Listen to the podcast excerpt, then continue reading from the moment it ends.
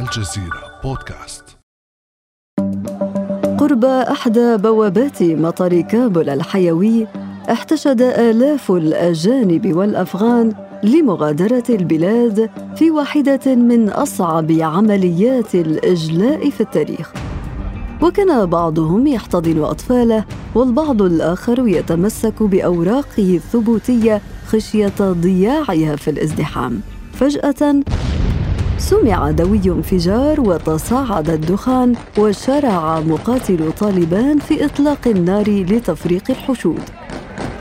ركض الجميع في كل الاتجاهات وتعالت صرخات الاستغاثة وسط حالة من الهلع والفوضى. الحصيلة عشرات القتلى والجرحى بينهم جنود أمريكان. فيما تبنى الهجوم تنظيم الدولة الإسلامية في ولاية خراسان. فتوعد الرئيس الأمريكي جو بايدن بالرد. إلى أولئك الذين نفذوا هذا الهجوم وكل من يرغب في إلحاق الأذى بأمريكا. نقول إننا لن ننسى ولن نسامح وسنلاحقكم ونجعلكم تدفعون الثمن. جاء الرد الأمريكي سريعاً. لكن انفجار مطار كابول الذي تزامن مع اقتراب ذكرى هجمات الحادي عشر من سبتمبر أحيا المخاوف من صعود خطر التنظيمات الجهادية المتشددة فيما فتحت الانسحابات الأمريكية الباب على مصراعيه أمام الدول المتنافسة لملء الفراغ الأمريكي في منطقة الشرق الأوسط. فمن هي القوى الأكثر ترجيحا لملء الفراغ الأمريكي في المنطقة؟ وما تداعيات هذا الفراغ على سياسات الدول العربية الحليفة للولايات المتحدة الأمريكية. وما هي سيناريوهات التحالف المحتملة بعد الانسحابات الأمريكية؟ بعد أمس من الجزيرة بودكاست أنا امال العريسي.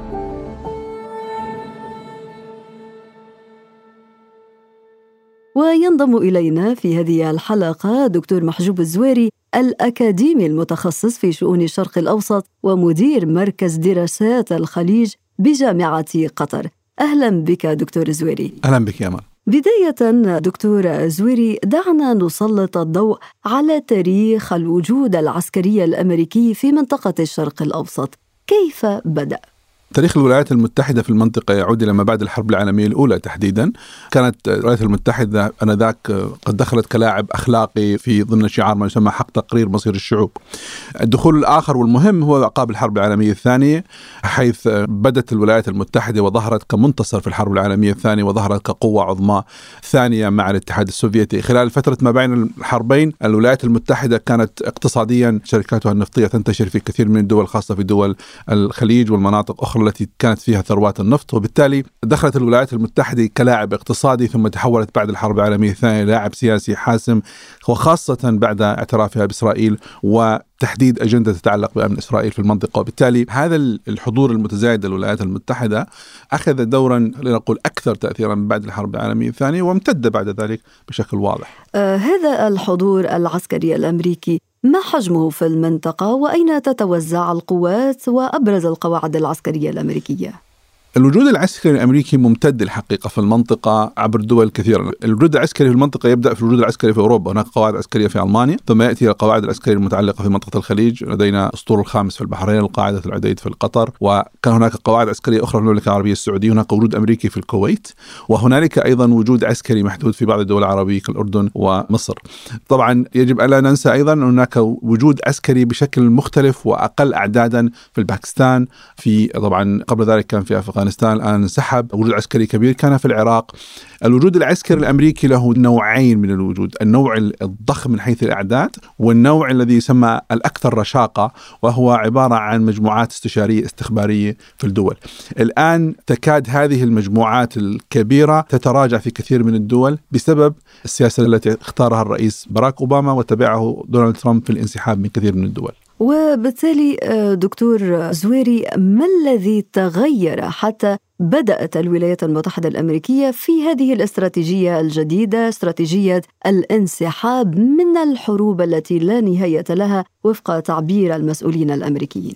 تذكرين أمال خلال فترة الرئيس الأمريكي الأسبق باراك أوباما بدأ بشعار سلوغان معروف قيادة العالم من الخلف. وقال بأنه على أمريكا أن تتراجع في قيادة العالم وتسمح بأدوار أخرى لدول وشركاء لها. ثم جاءنا الرئيس دونالد ترامب بشعار أمريكا اولا. طبعا الرئيس الأمريكي الحالي كما تعرفين يسمونه الفترة الرئاسية الثالثة لبراك أوباما، وبالتالي هو امتداد تلك الفترة، هو مستمر في إعادة موضعة السياسة الأمريكية في العالم لذلك في شعاراته الانتخابية وفي خطابه الرئاسي تحدث عن أن الولايات المتحدة تريد أن تشارك الآخرين في بناء العالم ولا تقود لوحدها تريد أن يكون معها الآخرون. وهذا في حد ذاته نوع من التراجع الدبلوماسي بمعنى آخر أن تكون اللاعب الأول والكل يعتمد عليك والكل يتلقف مساعدات من قبل الولايات المتحدة أصبح أكثر ضغطا على الاقتصاد وعلى السياسة وعلى الوضع الداخلي. ونتذكر الولايات المتحدة في السياسة الخارجية ما يحددها هو السياسة الداخلية والرأي العام الداخلي. بعبارة أخرى هؤلاء الذين يضعون استراتيجيات السياسة الخارجية هم محكومون بالسياسات الداخلية للولايات المتحدة. الأمريكيون خلال العشرين سنة الماضية خسروا الكثير من الأرواح خسروا اقتصاديا تأثروا كمجتمع أمريكي فتراجعت لديهم فكرة النفوذ لأنها أصبحت أكثر كلفة من حيث السياسة والاقتصاد. كل هذه العوامل مع بعض تدفع ودفعت الإدارات الأمريكية إلى اختيار سياسات التي تكلمت لك عنها. إذا كانت كل هذه الاستراتيجيات وكل هذه العوامل أدت إلى دفع الولايات المتحدة كما ذكرت دكتور زويري إلى تبني سياسة شبيهة بسياسة باراك أوباما وهي القيادة من الخلف. أضاف إليها بايدن تشريك بقية الأطراف في العالم الحليفة للولايات المتحدة الأمريكية. وبالتالي السؤال المطروح هنا ما هي الوجهة القادمة للولايات المتحدة؟ أعتقد أن الولايات المتحدة شأنها شأن أي قوة عظمى في العالم وهذه تكاد تكون ربما سنة كونية. إعادة الموضع متعلق بمسارين أساسيين. المسار الأول هو التراجع التوسع الجغرافي. بعبارة أخرى تبدأ تنكمش جغرافيا. وبالتالي فكرة النفوذ والجغرافيا الواسعة تبدأ تنكمش. وهذا ما حصل. خروجهم من فيتنام تذكرين؟ وخذوا في التاريخ حتى خروجهم من أفغانستان، خروجهم تحويل دورهم في العراق إلى مستشارين وكما يقال يعني القصة لا زالت اذا هذه تكاد تكون سنة كونية ليست مرتبطة فقط في بالولايات المتحدة، شاهدنا ذلك في بريطانيا العظمى في القرن العشرين، كيف بدأت في مراحل الانسحاب منذ ثلاثينيات القرن العشرين وانسحبت من المنطقة في 71 والتي نحتفل هذه الأيام بمرور 100 عام على انسحابها من منطقة الخليج. هذا عامل مهم، العامل الآخر في اعتقادي هو التراجع الاقتصادي الكبير عادة ما يكون عملية انكماش الدول العظمى مرتبط بالوضع الاقتصادي. الإمبراطورية التي لا تغيب عنها الشمس بريطانيا في القرن التاسع عشر عندما بدأت ملامح الانكماش جاءت الأزمة الاقتصادية الكساد المعروف 1930 ليجبرها على إعادة دراسة وضعها في المنطقة وليس في المنطقة بل بالهند وأجبرها ثم إلى الانسحاب الكامل. الأوضاع الاقتصادي مهم جدا وحاسم في عملية انكماش الدول وتراجع أدوارها. طيب الموضوع الاقتصادي مهم كما ذكرت دكتورة زويري ولكن في الأثناء شهدت موازين القوى في الشرق الأوسط تغيرا وكذلك شهدنا عودة بروز روسيا كمنافس استراتيجي وفرض الصين نفسها أيضا خصما أولا للولايات المتحدة الأمريكية. وكما أشرت دكتور زويري هناك انسحابات من المنطقة من سوريا من العراق من أفغانستان وغيرها من المناطق وهذا بالتالي أشعل تنافسا بين القوى الإقليمية والدولية. لكن قبل أن نفكك هذا المشهد الذي يبدو شائكا ومعقدا يتبادر إلى ذهني سؤال وهو لماذا لم تفكر الولايات المتحدة الأمريكية في تحديد خلف لها في المنطقة؟ في الحقيقة الولايات المتحدة لا تملك أن تحدد من الذي يخلفها أولا لأن جميع الذين يمكن أن يكونوا لاعبين بدلاء كما يقال على دكة الاحتياط لأمريكا كلهم خصوم لأمريكا وبالتالي أمريكا لا يمكنها كما يقال بيك تختار واحد وتقول له. الأمر الآخر في اعتقادي هو أنه جميع اللاعبين الاحتياط الموجودين الذين ينتظرون دورهم فان يصبحوا قوى هم لا يمتلكون ما أسميه أنا سلة الامتيازات الأمريكية. أمريكا ليست قوة فقط سياسية، أمريكا قوة تتعلق بالتكنولوجيا، قوة لديها منظومة قيم معينة يمكن أن توافق تختلف معها لكنك لا تستطيع أن تنكرها. الثقافة المتعلقة بالتكنولوجي والاستفادة، التعليم المؤسسات التعليمية البارزة الدور في العلم والثقافة هذه كلها أدوات للقوة لن تنتهي فورا في الولايات المتحدة. وما دامت هذه مصادر القوة تعمل وتنتعش يبقى السقوط السياسي التقليدي نوعا من الضعف والتآكل لكنه ليس بالضرورة سقوط كامل لأنه هذه العوامل التي ذكرتها عوامل مساندة وتجعل القوة الكبرى تقف على قدميها. يعني الولايات المتحدة من يستطيع أن ينكر وجود جامعة مثل هارفارد ودورها في العالم. جامعة مثل جامعة ييل مثلا. إذا جامعة كثير من الجامعات. من ينكر مثلا الدور الذي يتعلق بالتكنولوجيا. ما نستخدم من أدوات تكنولوجية. صحيح يصنع بالصين لكن العقول في الولايات المتحدة. من ينكر مثلا أن الولايات المتحدة تفتح أبوابها لآلاف وملايين الخبرات والعقول النادرة الذكية لتبتكر وتخترع. هذه أدوات قوة لم تتخلى عنها أمريكا ولا يبدو أنها ستتخلى عنها. هذا الأمر قد يعقد ما يسمى بسقوط القوة الأمريكية ويطيل عمر السقوط. لن يجعله كما حدث في الاتحاد السوفيتي مثلا. ولن تكون مثلا الصين يقولون الصين يمكن أن تصبح بديل للولايات المتحدة. الصين يمكن أن تأتي بشركات تكتشف النفط لكن ما هو سلة الامتيازات الثقافية التي يمكن أن تقول للصين تفضلوا؟ إذا سألت أي شخص ولديه أبناء قلت له أنا تختار لأبنائك جامعة صينية أم جامعة أمريكية؟ ما الجامعة التي يختارها؟ الجامعة الأمريكية. أمريكية. نعم. ولذلك البدلاء هم في مرحلة الإحماء كما يقال في الرياضة. جميل هذا التعبير دكتور زويري. إذا أنت أقصيت من هم على بنك الاحتياط الذين ستختار منهم أمريكا خلفا لها. وبالتالي من هم الآن الذين هم بصدد الإحماء؟ ذكرت الصين. ومن أيضا في المنطقة يريد أن يملأ الفراغ الأمريكي؟ أنا لا أعتقد أنه سيكون في فراغ بمعنى الفراغ. أنا أعتقد العالم يتجه إلى ما يسمى بتعدد اللاعبين الأساسيين. يعني سيقبل اللاعبون بأدوار الآخرين، يعني ليس اختيارا منهم ولكن رغما عن أنوفهم، لأنه حجم الفراغ كبير ولا يستطيع لاعب واحد أن يملأه. الولايات المتحدة تقر بذلك. دعيني أذكر أمان ما حصل في سوريا سياسيا.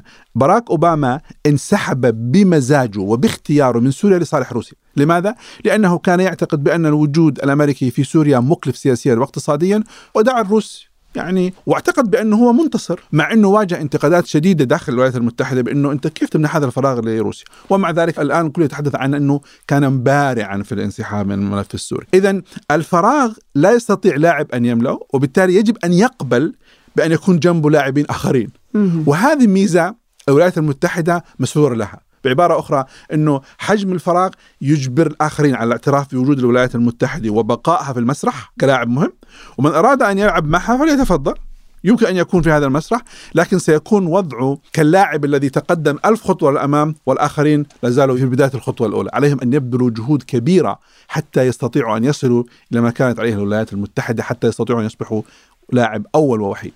تحدثت بلغة الكرة دعنا نواصل فيها. وفي الأخير السياسة هي لعبة وبالتالي من هم هؤلاء اللاعبون الذين هم بصدد إجراء الحركة الإحمائية؟ نحن لا نستطيع تجاوز الصين ولا نستطيع تجاوز روسيا ألمانيا قوة اقتصادية فرنسا قوة تقليدية لديها قدرة على العودة للمنطقة لا زالت ملفاتها في المنطقة في سوريا وفي لبنان وفي الجزائر وفي تونس لا زالت واردة وبالتالي هناك قوة تقليدية وهناك قوة صاعدة. القوة الصاعدة مثل الصين ويبدو أن الصين قدر أن تكون دور مهم. هذه أنا أعتقد أربع خمس لاعبين أساسيين سيكون لهم دور في المستقبل. هذا لا يعني عدم وجود لاعبين إقليميين. تركيا ستكون لها دور وهذا دور يعني لا شك حاضر. دولة زي إيران رغم كل هذه الأدوار الضغوط السياسية عليها العالم لا زال يعترف بأن الدولة بغض النظر عن النظام السياسي مهمة وذات الثقل الاستراتيجي. الهند كذلك وبالتالي هذه مجموعة اللاعبين الإقليميين. طبعا لا يمكن أن ننكر عندما نتحدث عن الوضع الاقتصادي مثلا بلد زي اليابان مثلا قوة مؤثرة اقتصاديا لكن هل يمكن أن يكون حتى في مرتبة الصين؟ بالتأكيد لا.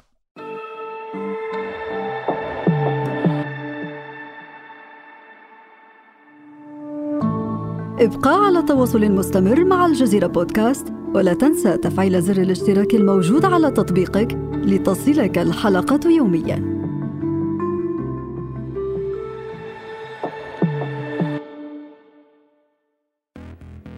قبل أن نتحدث عن هذه التفاعلات المحتملة بين مختلف اللاعبين هناك سؤال يطرح نفسه أيضا وهو هل هذه التحولات هذه الانسحابات الأمريكية من المنطقة ستفتح مجددا الباب أمام التهديدات الأمنية سواء للغرب أو أيضا لدول المنطقة؟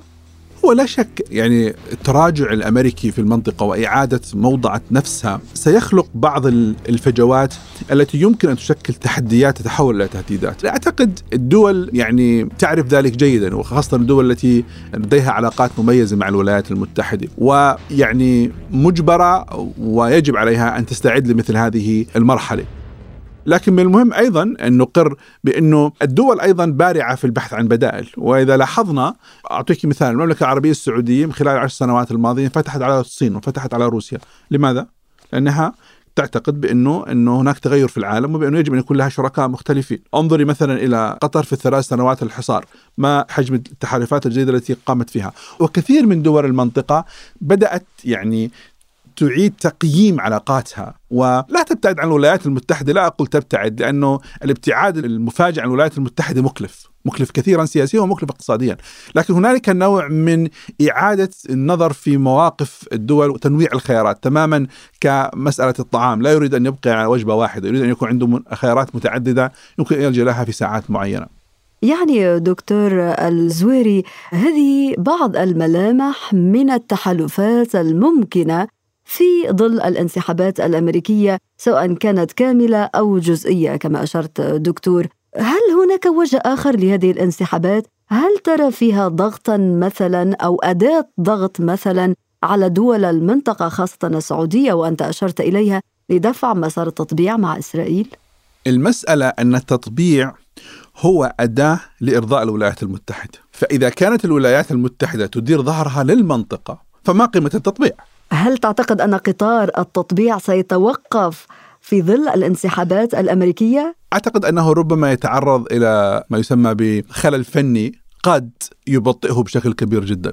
طيب من سيكون دكتور الزويري مسؤولا عن هذا البطء أو عن هذا الخلل الفني في قطار التطبيع إسرائيل أم الولايات المتحدة الأمريكية؟ أعتقد أن إسرائيل الولايات المتحدة و أولئك اللاعبين الذين يراهنون على التطبيع خاصة التطبيع المرحلة الأخيرة آه، جاء في سياق معاداة إيران وليس له علاقة بالقضية الفلسطينية. ونحن أمام مرحلة مختلفة من التطبيع، يعني هذا بعيد عن القضية الفلسطينية وبالتالي يعني ومرشح بشكل كبير إلى حالة من التلكم. طبعا جزء منه كان أيضا لإرضاء الولايات المتحدة وكسب ودها وكسب دعمها. الآن إذا قالت الولايات المتحدة ليس لدي شيء ان أقدمه، وبراك أوباما قالها عندما كان رئيسا قال لماذا لا تحل السعودية وإيران مشاكلهم لوحدهم؟ لماذا نتدخل نحن؟ وقالها في سياق آخر إنه العرب والاسرائيليين عليهم ان يتعلموا ويتحدثوا إلى بعض، وبالتالي ربما يلجأ بعض العرب إلى أن يستمر لكن المشكلة إنه مبررات الاستمرار ليست مغرية، ماذا ستقدم لهم إسرائيل؟ جميع حالات التطبيع التي حصلت هي جزء منها كان لإرضاء الولايات المتحدة، إذا كانت الولايات المتحدة ليست في الصورة سيحدث بالتأكيد بطء وبطء كبير في حالة التطبيع، ما هو الثمن؟ لا ثمن للتطبيع. طيب وما الثمن الذي ستعطيه الولايات المتحدة الأمريكية في حال أن المنطقة شهدت توترات مشاكل أمنية على مستوى الإقليمي وغيرها هل برأيك ستبحث عن تسويات معينة مع بعض الدول في المنطقة مثلاً؟ يعني الولايات المتحدة خلال العقدين الماضيين تغيرت بشكل كبير جدا. كانت تقول أن خطوط الحمراء لا تفاوض مع ما تسميها حركات إرهابية وتفاوضت مع طالبان وتوافقت معهم. الحوثيون نفس السياق. هنالك مفاوضات غير معلنة مع كثير من الجمعيات خاصة في العراق. كانت تحصل وراء أبواب مقفلة، تغيرت لأنها بدت أكثر واقعية سياسية وبأنه ما كانت تدعيه من مبادئ ومثل في السياسة لم تعد نافعة بل أصبحت مكلفة للولايات المتحدة، وأعتقد أنه هذا التغير الذي حصل جزء منه دفع إلى حالة الانسحاب الذي نراها في الولايات المتحدة، لأنه بالمحصلة تغيير طريقة التفكير دفعهم بشكل تدريجي للوصول لنا إلى خلاصات أنه ربما ينبغي أن ننسحب. حتى لا نفكر في أن ندخل في مفاوضات مع هذه الدول. ما يجب أن يفكر فيه اللاعبون المحليون في المنطقة أنه لا يمكن الاستناد إلى المقاييس الأمريكية والحزب الأمريكي. يجب البحث عن بدائل ويجب إعادة النظر في قوى الذات كما يقال. هذا ما يؤشر إليه في كلامك دكتور زويري هو المصالحات الثنائية نعم. التي شهدتها منطقة الخليج. كذلك شهدنا الزيارة الأخيرة لمستشار الإماراتي إلى تركيا وكذلك إلى قطر يعني أن هناك سياقات متغيرة. هناك إعاء خريطة إعادة تشكيل التحالفات في المنطقة. يبدو أنها يعني آخذة في الاستمرار والدول بدأت تعيد مواقفها لتتكيف مع التغير الجديد. الآن هل هذا سيكون طويل الأمد أم قصير الأمد؟ هذا سيرتبط بمدى وجود الولايات المتحدة واستمرارها وبقاء دورها المؤثر في المنطقة. الاحتمالات كلها واردة وكما يقال لا ثوابت في عالم السياسة. الدكتور محجوب زويري الأكاديمي المتخصص في شؤون الشرق الأوسط ومدير مركز دراسات الخليج بجامعة قطر شكرا جزيلا لك. شكرا لك يا أمان كان هذا بعد أمس.